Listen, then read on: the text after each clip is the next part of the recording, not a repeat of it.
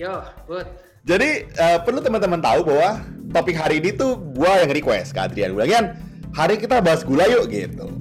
Terus Adrian tanya, kenapa bahas gula? Nah, teman-teman perlu tahu, kalau misalnya gue request sesuatu, berarti ada maunya. Nah, karena gue baru cek darah, jadi gue pengen bahas kalian kan.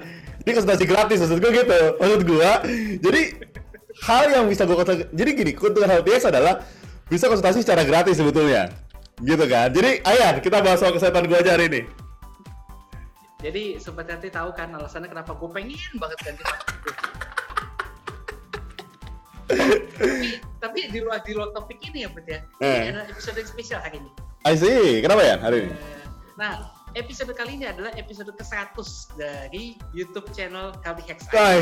God. Yeah. Dan uh, untuk episode kali ini kita akan kasih hadiah berupa Adrian akan konsultasi gratis, jadi tinggal telepon aja, nanti gue akan kasih nomor teleponnya di sini.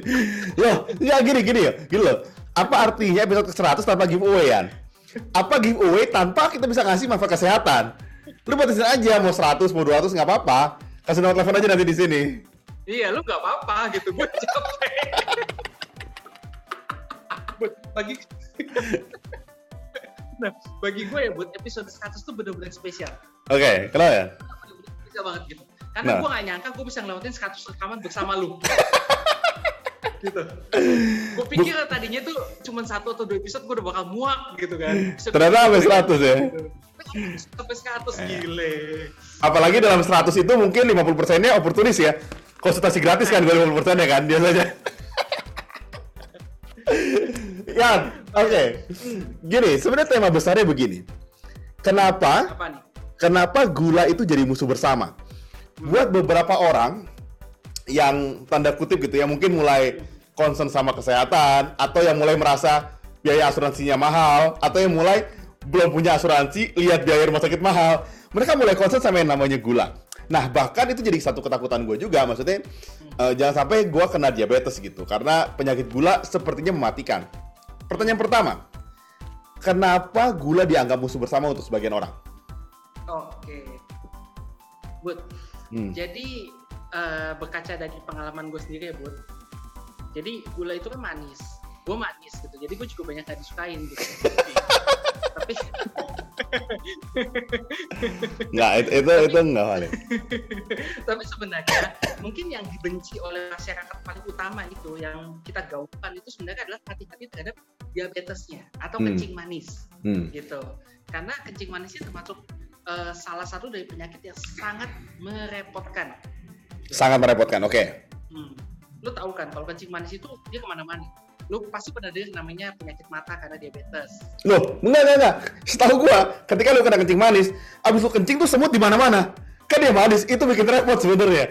Jadi lu bayangin ya, setiap kali lu kamar mandi, tiba-tiba rayap lah keluar tiba-tiba semut lah semua karena karena dulu jadi susah lu mesti bersihin lagi kadang-kadang sampai masih panggil tukang rayap gitu itu kan sebenarnya faktor terbesar kencing manis kan put put put kamar mandi lu berapa tahun sih kagak dibersihin sampai ada rayapnya di dalam Oke. Oke. Jadi diabetes itu ke mana-mana. Gitu. Dia bisa ke mata, dia bisa ke jantung, dia bisa ke ginjal, dia bisa ke kulit, dia bisa ke pembuluh darah, dia bisa ke kaki. Lu tahu luka ada kaki hmm. yang namanya uh, luka luka luka DM gitu luka diabetes. Jadi diabetesnya benar-benar merepotkan gitu dan komplikasinya sangat banyak. Sehingga sering, kita gaungkan adalah hati-hati terhadap diabetes. Salah satunya adalah waspada terhadap gula. Itu pertama. Nah yang kedua orang zaman sekarang ya people zaman now gitu itu kelebihan gula. Ya gitu. Karena uh, kalau misal dulu mungkin biasanya adalah lu juga mungkin sering dengar nih. Kalau zaman dulu gue gak perlu sarapan yang penting teh manis anget sama apa. Iya iya iya iya iya ya. untuk untuk untuk sarapannya gitu. Yeah, yeah. nah sekarang orang udah mikir nih teh manis itu nggak baik untuk kesehatan. Hmm. jadi mulai dikurangi.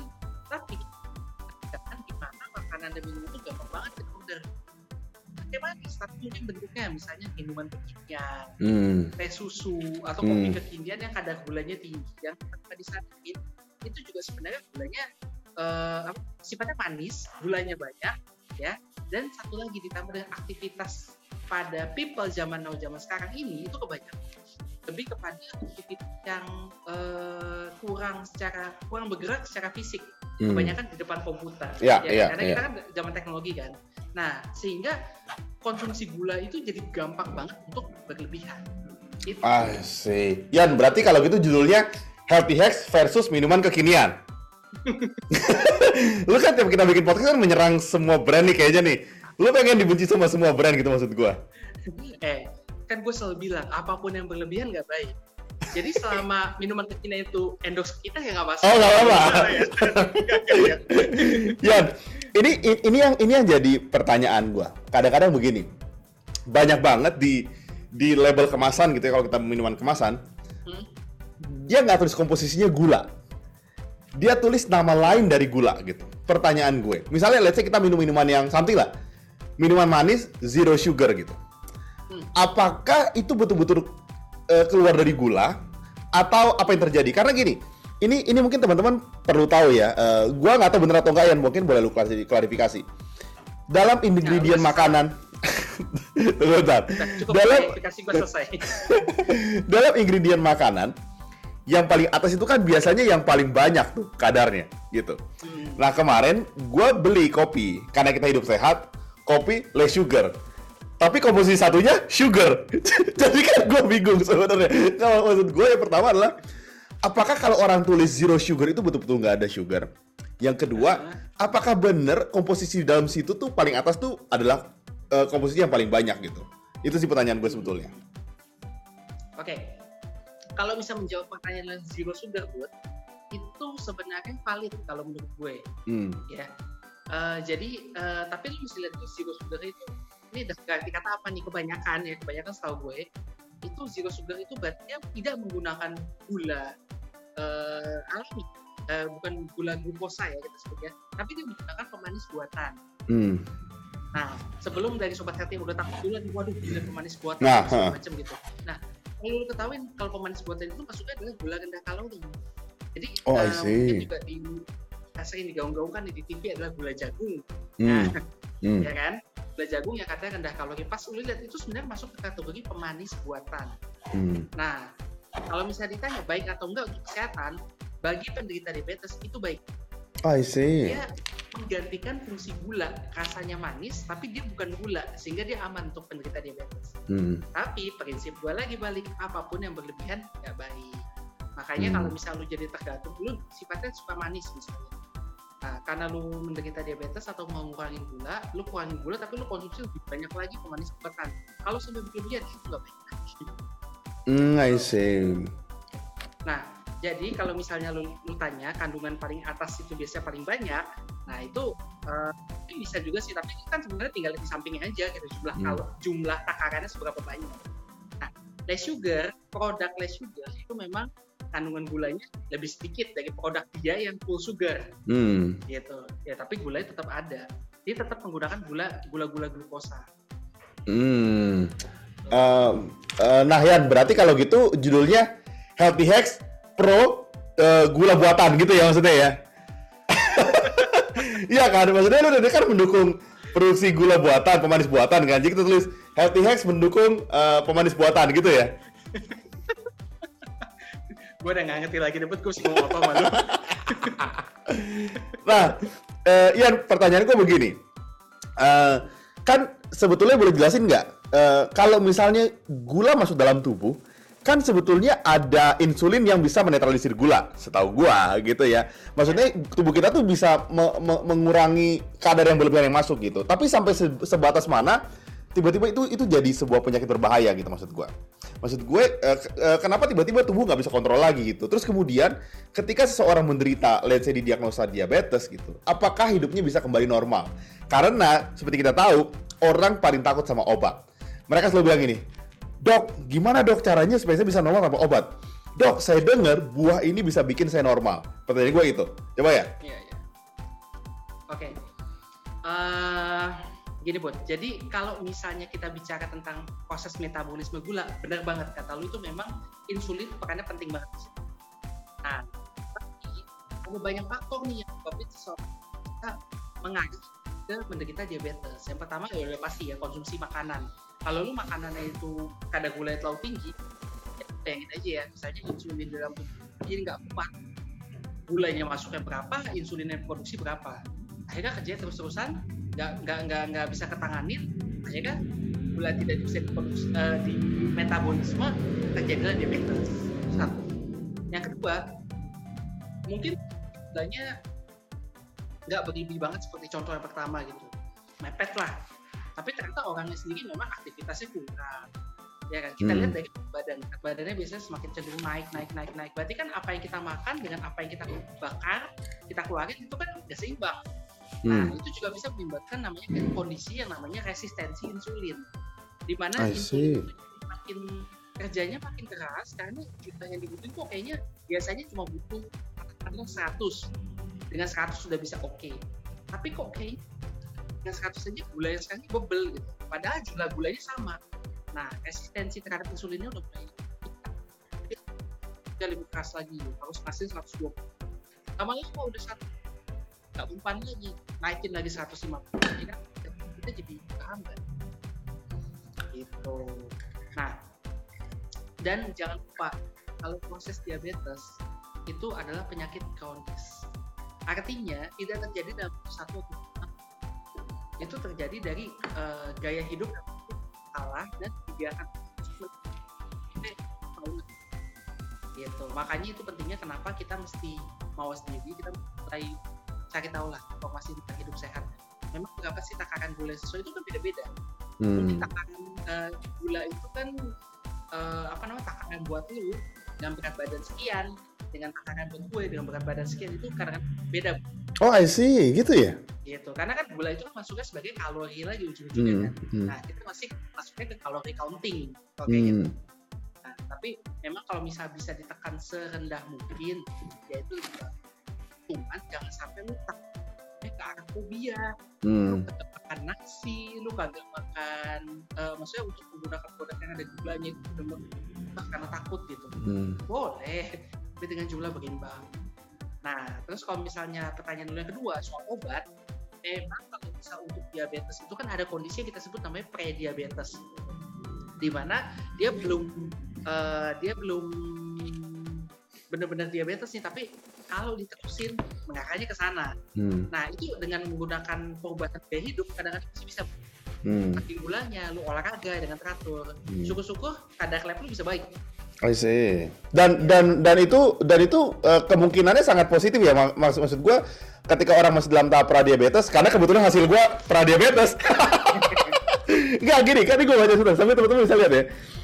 Hasil normal itu kan 5,7 sampai 6,4 yang HbA1c. HbA1c. Ya, iya. gue tuh 5,8, 0,1 di atas. Berarti kan kategori pradiabetes. Pertanyaan gue adalah di yang berubah ya let's say gue bertobat gitu ya dari minuman manis olahraga lebih diet apakah bisa dengan umur gue yang sekarang 32 tahun gitu pertanyaan gue kalau menurut gue sih potensinya bagus bu hmm. potensinya tinggi gitu untuk ke arah hmm. sana nah cuman uh, nanti bisa kita pantau lagi sih. HbA1c hmm. itu tahan untuk tiga bulan sekali. Tiga bulan. Hmm. ya kan? Tiga hmm. bulan sekali. Tapi nanti kalau misalnya lu gue pengen gula puasa gula dua jam pp gula sewaktu lu gimana? Uh, gula gula darah atau diabetes gua iya. Kan normalnya 70 sampai 99 eh gula puasa gue 100 kayak di atas satu gitu kayak mepet-mepet gitu loh. Wah, berarti berarti ya tapi nggak nggak apa-apa sih buat maksudnya kalau kondisi kayak gitu kalau menurut gue sih mungkin sih fleksibel ya kita hmm. lihat dari usia lu gitu kan hmm. terus lu juga belum nyoba nih ngurangin lifestyle lu gitu Iya, ya. pertama berarti lu makin yang manis-manis, mau banyak aktivitas, dan berarti ini kabar buruk nih buat sobat healthy, berarti Budi nggak bisa sering ketemu gua gitu. Jangan bilang karena lu manis. Ya udahlah buat lu mau nolok dulu sementara lah nggak apa-apa lah. terus terus ya. Nah, terus kalau misal untuk bagi teman-teman yang mungkin ternyata sudah nih menderita diabetes Nah, sekali lagi gue mesti tegaskan bahwa penggunaan obat penting pada penderita diabetes. Karena kenapa? Kalau dokter itu sudah memutuskan untuk kasih obat, artinya uh, tindakan perubahan gaya hidup, olahraga, kurangi makan gula-gula yang manis-manis itu sudah tidak cukup. gitu. Nah, kenapa kita langsung paksakan kesannya memaksakan gitu, memaksakan hmm. harus minum obat gitu. Untuk kita mencegah diabetes tidak pertama parah. Tadi di awal episode kan gue udah bilang, diabetes itu bisa ke mana-mana. Dia hmm. bisa jantung, ginjal, ginjal jangan lupa. Nah, kalau misalnya concern dari sobat healthy kembali lagi adalah banyak minum obat kena ke ginjal. Hmm. Lah kalau misalnya nggak bantu diabetes lu ya akan ke ginjal. Waduh, I see. Segi-segitunya ya? Iya, ya, gitu.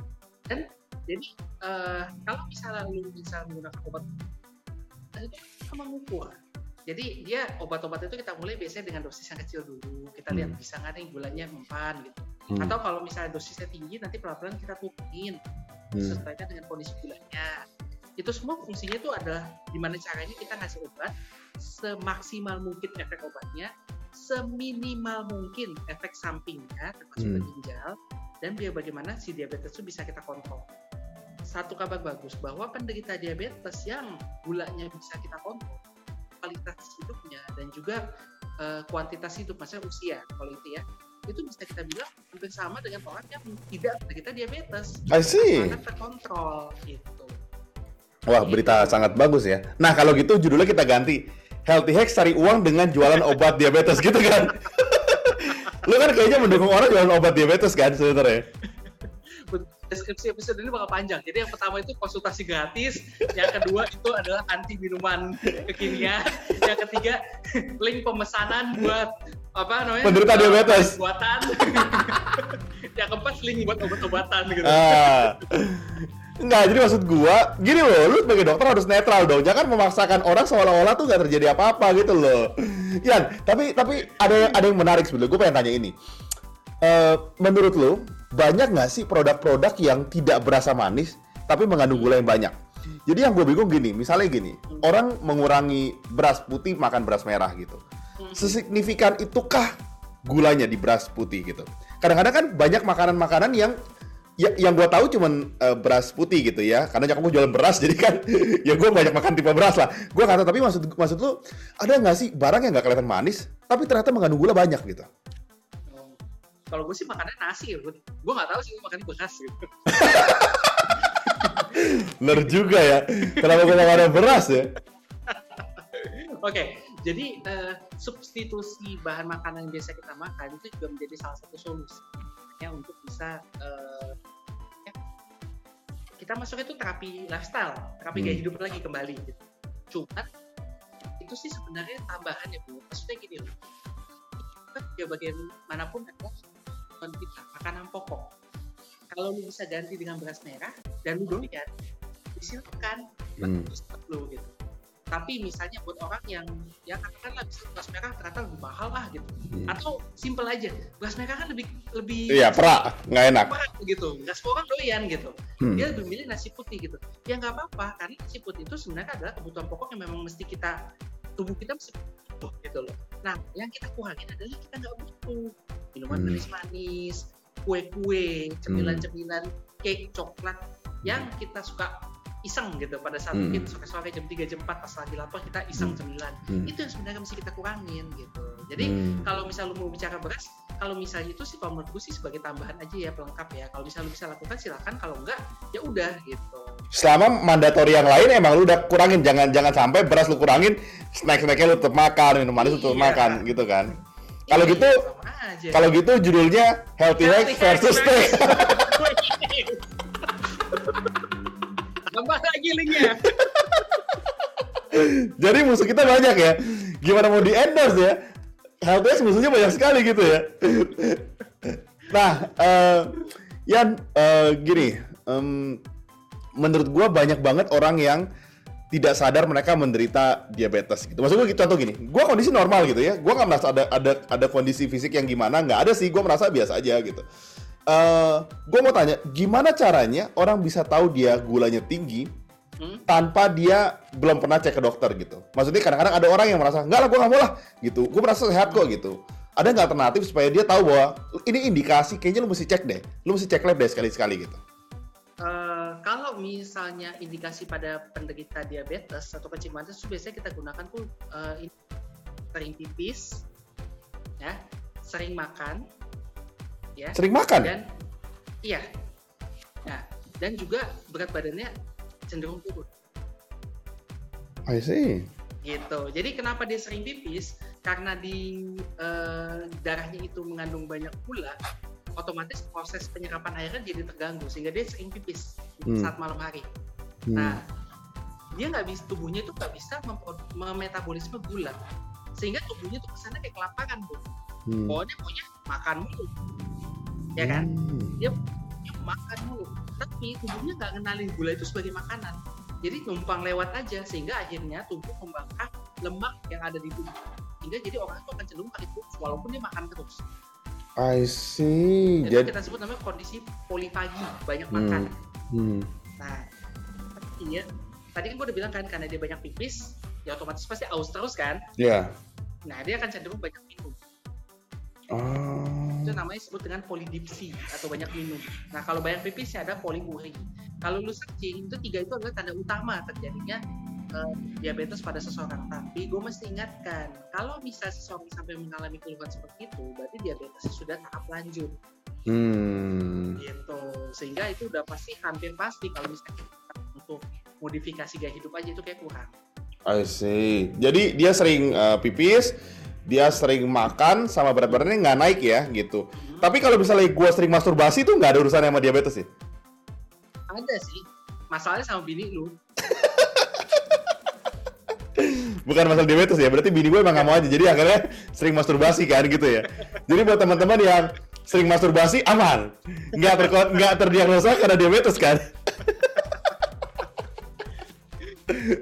lah oke okay. tunggu tunggu tunggu gue gue mau coba tanya oke okay, ya nah sekarang gini uh, uh, apakah gitu ya? Ini pertanyaan berikutnya gitu. Karena kita tahu bahwa ketika semakin lanjut usia, biasanya beberapa orang itu terkena diabetes secara otomatis. Maksudnya nggak otomatis lah, tapi maksudnya kecenderungan mereka gula lebih tinggi gitu pertanyaannya.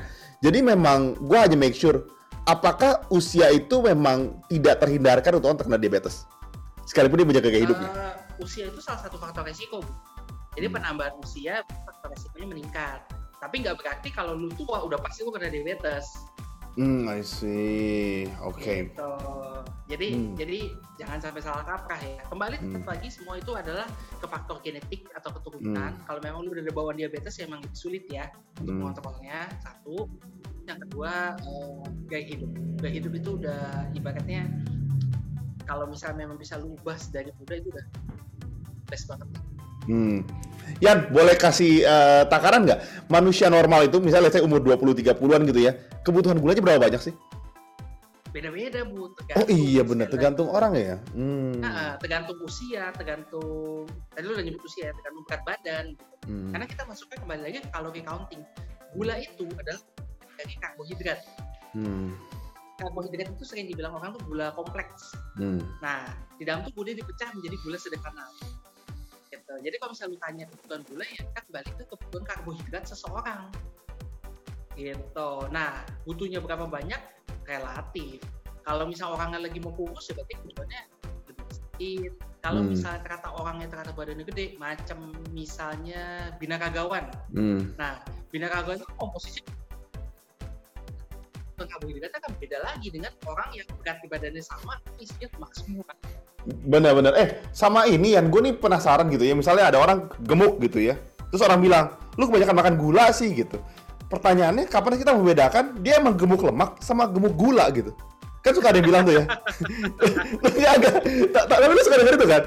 Lu banyak makan gula, kurangin gulanya biar gak gemuk gitu. Maksud gue, kapan sih orang bisa tahu? Kok lu bisa tahu ini orang lebih banyak gula sama banyak lemak gitu? Enggak, kalau itu buat sebenarnya cuma karena istilah aja. Jadi gini, gula yang tidak uh, berlebih ibaratnya, tapi itu diabetes ya. Ini pada hmm. orang lokal, gula yang berlebih itu nanti akan disimpan sebagai cadangan lemak. Hmm, I see. Gitu. Terus misalnya uh, seseorang itu banyak lemak, ya, otomatis kan kalori intake yang dia makan itu juga banyak. Hmm. Ya kan, sehingga nanti kebutuhan gulanya juga mungkin nggak terlalu banyak. Akhirnya ujungnya diubah menjadi lemak. Jadi sebenarnya 11-12 sih Hmm. Intinya kalau misal lu gemuk, ya itu artinya karena lu ada kelebihan intake. Iya iya. Terlepas itu lemak atau gula. Iya, kelebihan intake kalori lah intinya. Dan iya iya. Kita udah kan kalau misalnya hmm. itu sih sebenarnya karbohidrat dan lemak itu adalah yang paling banyak kalau bisa ditekan lemak ditekan serendah mungkin tuh bagus iya iya iya iya I see. Oke, okay. lumayan clear dan akhirnya kejawab juga gitu kan lumayan maksudnya kan konsultasi dokter gratis gitu. Jadi buat teman-teman sekali lagi merayakan kita punya episode ke-100, nanti gue akan kasih nomor telepon ya. Kalian bisa telepon, lu mau jam berapa? Jadi bisa tahu gitu loh. Uh, apa pasien tuh bisa telepon jam berapa gitu. Lu kabarin aja kosan jam berapa gue tulisin di di channel itu ya, di deskripsi kita ya. Udahlah kalau kayak gitu konsultasinya video call. Gua rekam sekalian konten. Jadi ada tambah lagi ya udah itu aja sih. Gue cuma mau ngucapin uh, terima kasih aja buat dukungan dukungan dan uh, channel kita bisa bertahan ya sampai 100 video hmm. gitu. Terlepas dari apa muak gue sama Budi gitu itu menurut gue tuh udah pencapaian buat gue sendiri gitu temannya mudah-mudahan sih kita bisa terus menyajikan konten-konten yang edukatif, informatif ya dan kita bisa menjelaskan berbagai macam masalah kesehatan terus didampingi oleh gue dan juga Sekali lagi, thank you banget teman-teman. Jangan lupa podcast kita akan tayang tiap hari Senin dan Kamis. Jadi tungguin terus aja YouTube kita di Healthy SID. Dan sampai situ aja. Sampai ketemu minggu depan. Stay healthy. And stay alive. Bye-bye.